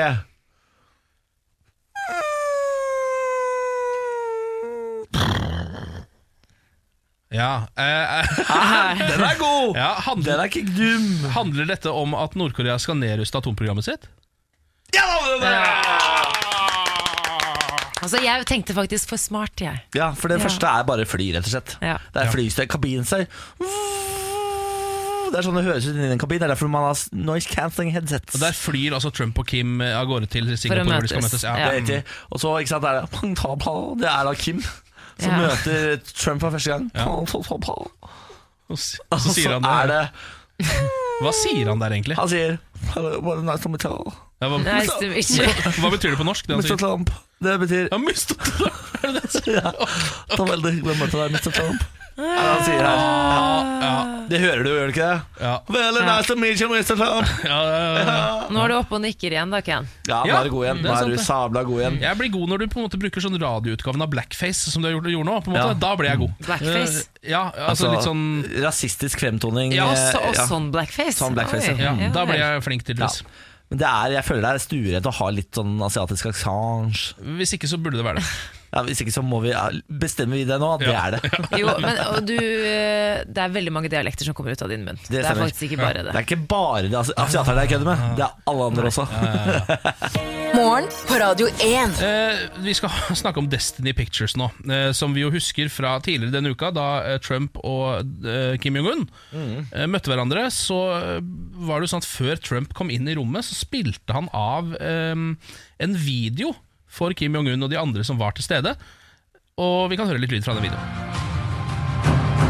Destiny Pictures presents a story of opportunity, a new story, a new beginning, one of peace, two Ja. men.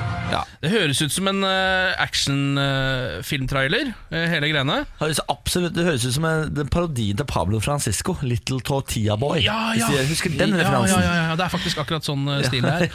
uh, og man hører jo i starten her at det er Destiny Pictures som visstnok skal stå bak denne videoen. Eh, nå kommer saken som Dagbladet skriver i dag. Destiny Pictures hadde ingenting å gjøre med Trump-filmen. Våknet opp til hundrevis av e-poster og telefoner.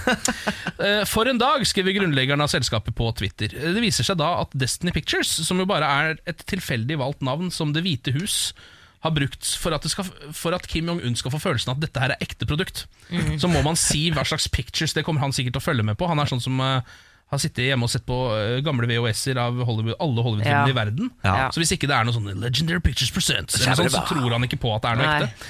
Eh, Men det viser seg at dette er jo også et, ekte selskap, eh, som da i går ble nedringt av folk. Våkna opp på hundrevis av e-poster, og har nå blitt et verdenskjent selskap pga. Donald Trump og Kim Jong-un. Wow. Tenk det, da. Ja, det, er, ja. det har vært en liten applaus til. også. Ja, det føler jeg det er faktisk er. Når vi først er inne på Donald Trump, så må vi nesten snakke om at han er blitt nominert til Nobels fredspris. Ja, for guds skyld. Eh, for guds skyld. Eh, han har altså eh, nettopp møtt Kim Jong-un, som vi alle har fått med oss. Og de signerte et historisk dokument som forplikter da Nord-Korea til å arbeide for atomnedrustning. Det er stortingsrepresentantene Christian Tybring-Gjedde og Per-Willy Amundsen ah! som står bak nominasjonen. Det er Frp som står bak det, ja. Ja, det er det. Mm. De mener at det han har gjort i, fått til i Nord-Korea, det kvalifiserer til en fredspris, rett og slett. Ja, Det går rett hjem i eh, Nobels eh, sine statutter, gjør det ikke det? da? Jo, nettopp. De har jo skrevet et langt eh, eh, brev, og så har jeg eh, Jeg må bare hente frem et lite utkast fra dette brevet. Det amerikanske president eh, Theodore Roosevelt refererte til sin utenrikspolitikk som 'speak softly and carry a big stick'. Roosevelt eh, han fikk jo da eh, Nobels fredspris i 1906 for sin meglingsinnsats mellom Russland og Japan. Ja. Men speak Og- softly, ja. Mm. Det, er, det er vel ikke akkurat det Donald Trump driver med? Nei, det er ikke det, men de sammenligner da altså med Roosevelt og sier at statsledere eh, som ikke er redde for å vise at de er villige til å bruke makt, Ja. det, det, altså, det kan jo være eh, en måte å skape fred på, det også. Sånn, ja. Ja. Vi har lyd av Christian Tubring-Gjedde og eh, Per-Willy Amundsen. Skal vi høre hva de sa? eller? Gjerne. I dette tilfellet så viser han at han er en fredensmann. Han forsøker å få til fred, og han lykkes jo bedre enn noen annen tidligere. Ja, og dette går jo rett inn i kjerna av Nobels testament. Det handler om nedrustning, det handler om å skape fred. Det kan være at den utradisjonelle måten Trump har gått frem på, faktisk bidrar til fred raskere. Ja, Det er jo for så vidt sant, det, da. Ja da. Altså, Han er vel foreløpig den eneste amerikanske presidenten som ikke har en krig bak seg, eller? Eh, ja, ja. Det er han jo. Det er men jo nå- kriger som pågår, da. Det er jo masse Jo, men Det er ikke han som har starta det. Det- Alle presidenter skal jo ha en krig, sies Ja. det jo. Eh, Obama hadde jo mange. Vi får se, men for nå må vi nesten bare se hvordan dette går, da. Skjønner du, Når eh, Kim kommer seg tilbake, er, er det liksom sant? Ljuger han, bare bløffer han? Kommer det til å gå den veien? Eh, mitt største problem er at nå klarer jeg ikke å høre Per-Willy Amundsen uten å tenke på Erlend Elias. Du, jeg, jeg, jeg klarte ikke å bestemme meg. Erlend Elias eller Per Sundnes? Ja, Per Sundnes Å, herregud, det, det er, det er en gøy konk... Vet du hva? Eh, I morgen så skal vi ha lyd av Per-Willy Amundsen, Erlend Elias og eh, Per Sundnes. Og så skal vi kjøre quiz. Hvem er det? Hvem er det? Ja, quizen Det være eneste jeg tror kanskje Erlend Elias eh, er Gjør hva faen du vil! Gå opp i skauen! Jeg driter faen! Hvis Altså, han ikke han god. Trump får Nobelprisen, da gidder jeg faktisk ikke Nei. mer. Det gjør jeg faktisk ikke. Vet du hva, Mija? Eh, Samantha, du har jo pass, altså flyskrekk. Det stemmer. Hva eh, tenker du om denne nyheten? Kan bli vinduløse passasjerfly.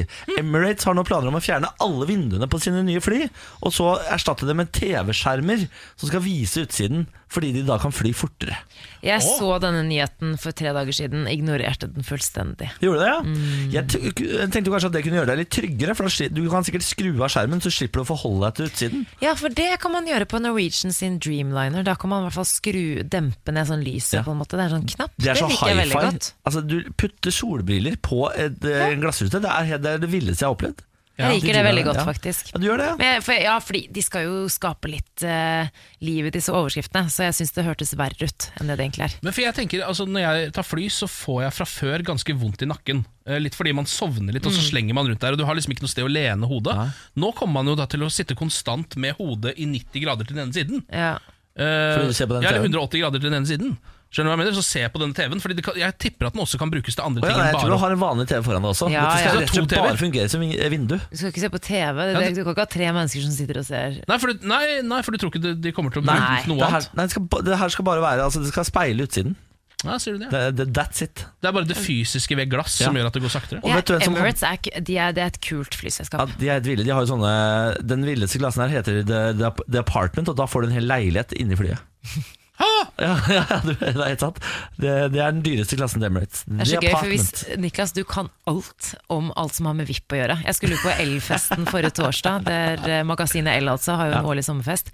Og Ja. Niklas visste om en sånn hemmelig avdeling Ja. hvor man får sånne sponsede ting. Og jeg var jo selvfølgelig ikke invitert der, da. Nei, jeg har kommet meg opp på den eh, avdelingen en gang på Elfesten. Ja. Og da kan, du, da kan du gå sånn langs bord og så kan du velge deg ting som koster flere tusen kroner. Sånn, jeg vil ha den klokken, jeg vil ha den vesken, jeg vil ha den bla, bla, bla. bla. Tenk at du er VIP-ekspert. Det er ikke så mange som, eh, som Niklas. Baarli, internasjonal VIP-ekspert. Ja, du er det. Det er Det skal, er. meg, det skal ta meg videre i livet. Morgen på Radio Vi har en 1. konkurranse gående på vår Facebook-side radio1.no i samarbeid med Finn Reise, hvor du kan stikke av med et reisegavekort på 5000 kroner hvis du tar bilde av din badeplass. Radio 1 skal nemlig kåre Norges flotteste badeplass. Eh, fire reisegavekort skal deles ut i totalen, og også én eh, badeplass. I tillegg til de 5000 kronene, så får den badeplassen av tittelen Norges fineste badeplass. Ja, og Det er godt mulig at det er der du pleier å bade. Fordi sånn som Vi Niklas, vi tok det jo for gitt da vi bada rundt i Moss at det var sånn, ja dette er Norges beste badeplass, og sånn, men visste jo ikke om det var det. Og Så viser det seg at det, mange av de stedene er no, blant Norges beste Ja da, De har Ja. fått sånn blått flagg som det heter. Ja. Fordi det er så klart vann og så bra ja. kvalitet og hurra meg rundt. Ja. Eh, hvis du har lyst til å melde på din, så går du inn på altså, vår Facebook-side radio1.no som sagt, og legger opp et bilde i kommentarfeltet på den øverste posten vår. Det er det mange som har gjort. Og det er så mange fine bidrag. Du, vet du hva, Vi har fått inn et bidrag fra Henning, som har sendt et nydelig bilde av Mulevika, som ligger utenfor Fosnavåg i Møre og Romsdal. En av Sunn- Sunnmøres skjulte perler, står det her. Altså, det er så hvit strand at uh, jeg tenker sånn jeg har, jeg har ikke så mye å komme med her eh, i Oslo by når jeg ser sånne ting Nei. som det her. No offence Oslo. Norge har liksom Maldivene-nivå ja, på har strendene sine rundt omkring. Jeg skjønner at det ikke er kanskje like varmt der oppe til eh, si alle døgnets tider, men eh, nydelig, det er det. Jeg har falt litt for Rauøra, ja, som ligger i Oppdal. Det er Sara Margrethe som har sendt inn det forslaget. Det er hennes favorittbadeplass. Og det, er altså, det ser ut som Ipanema. Eh, Ipanema? Ja, altså stra Brasil. stranda i Rio de Det har Janeiro. jeg hørt. vel. Det ligner. Ja, jeg ser det her. ligner Ken. faktisk litt. Ja. Eh, og Det er altså en helt kritthvit strand som går ned mot litt sånn asurblått vann. Og så er det høye fjell, grønn, liksom grønnskjær i fjellene som ligger rundt. Ai, det er det mest ai. pittoreske jeg noen gang har sett. Ja, Det høres helt nydelig ut. Ja. Eh, Jeg har valgt meg ut eh, Vilde. jeg. Hun har vært på eh, Villa Malla i Hurum, og grunnen til at jeg valgte det er fordi for det første så er det dritlekkert der, med sånn fyrtårn og sånn. Mm. Eh, og så har jeg lyst til å gifte meg der. Jeg har nemlig sett på Villa Malla mm, før og tenkt sånn ah, fy fader, der har jeg lyst til å gifte meg, ass. Ja. Det ser helt sinnssykt fint ut der. Eh, fin, hvit strand. Eh, sånn, sånn gammelt fyrhus med sånn svære bygg bak hvor du kan ha bryllupsfesten. Nydelig, nydelig, nydelig. Hvor er Norges flotteste badestrand? Du bidrar med å gå inn på vår Facebook-side, radio1.no. 5000 kroner i reisegavekort kan stikke av med hvis eh, vi velger ut eh, deg. Dette er morgen på Radio 1. Så var det over for i dag. Ja, eh, Vi er bare kort innpå her for å si at nå er moroa over. Ja. Nå må du finne på noe annet å gjøre. ja. Jeg bare, dere er litt rare. Syns vi er rare? Ja.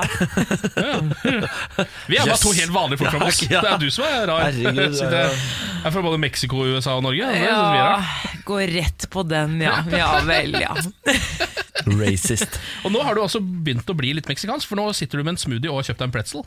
Det er litt amerikansk, mener jeg. Det er Ja, nå skjønte jeg Ikke ingenting. meksikansk i det hele tatt. Nei. Nå blanda jeg Mexico og USA. Jeg. Ja, men pretzel det kommer jo da egentlig fra Tyskland, da. Ja, pretzel. Ja. Ja. Ja, ja, ja. okay. nå, er vi, nå er vi ferdig med hva som er fint. Nå er det over. Det nettopp, og det er fredag i morgen. Ja. Og vi skal ha utesending fra eh, Salt. som- Ja, bitte, ja. Kaja. Ja. Nei, nå blir det ofte Nei, jeg skrur meg selv av. Sånn, ferdig. Jeg kan ikke snakke mer. Hvorfor det? Jeg, jeg vet ikke. Jeg er full på smoothie. En full Samantha? Nei, men igjen Vanligvis når du surrer, Niklas, så sier jeg nei, nå må du gi deg, Niklas. Nå er vi ferdige her. Ja, ja. Nå må du gjøre det samme Ja, tilbake. men du vil ha mer? Nei. Nå sitter du bare og drikker smoothie, Niklas. Det er det du gjør nå. Hvorfor, Men Niklas, jeg mener det. Kan du skru av? Ok, takk for nå. Ha det. Si det en gang til, for jeg mista det. Ha det. Morgen på Radio 1. Hverdager fra seks.